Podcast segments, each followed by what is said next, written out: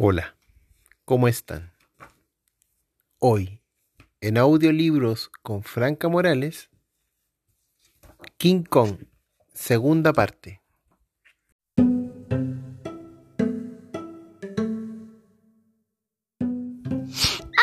yo soy Franca Yalen y estamos aquí con libro de King Kong. Y leer el libro de King Kong que aparece una manzana. Ya saben que aparece una manzana primero.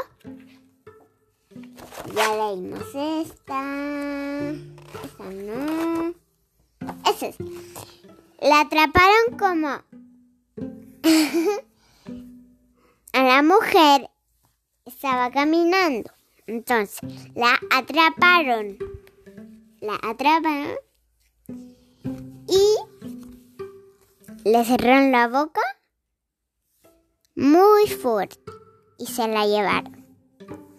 De pronto estaban estaba enfrente de una escalera con unas personas disfrazadas de gorila bailando. Entonces la pusieron tenía una bola. La ataron a unas cuerdas adentro de unas personas monas.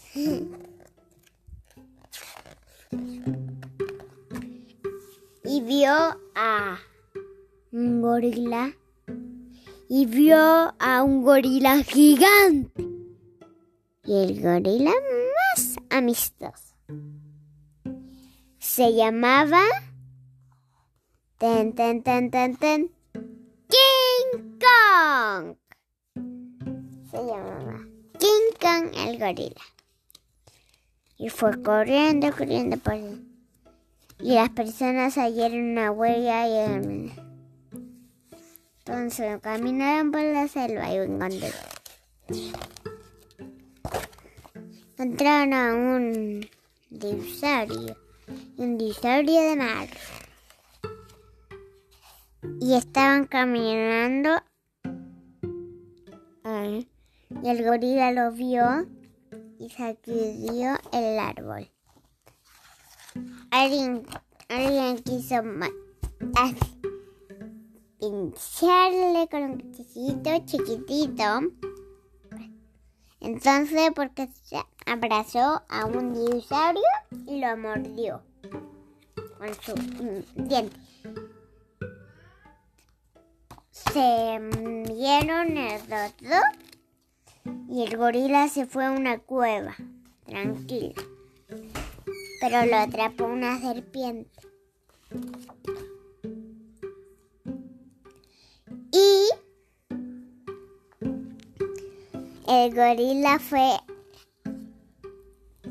la la la la la allá. Y se hicieron amigos y esperen, terminó la vez. Después vamos a hacer la 3, la segunda parte y la última parte de King Kong. Adiós.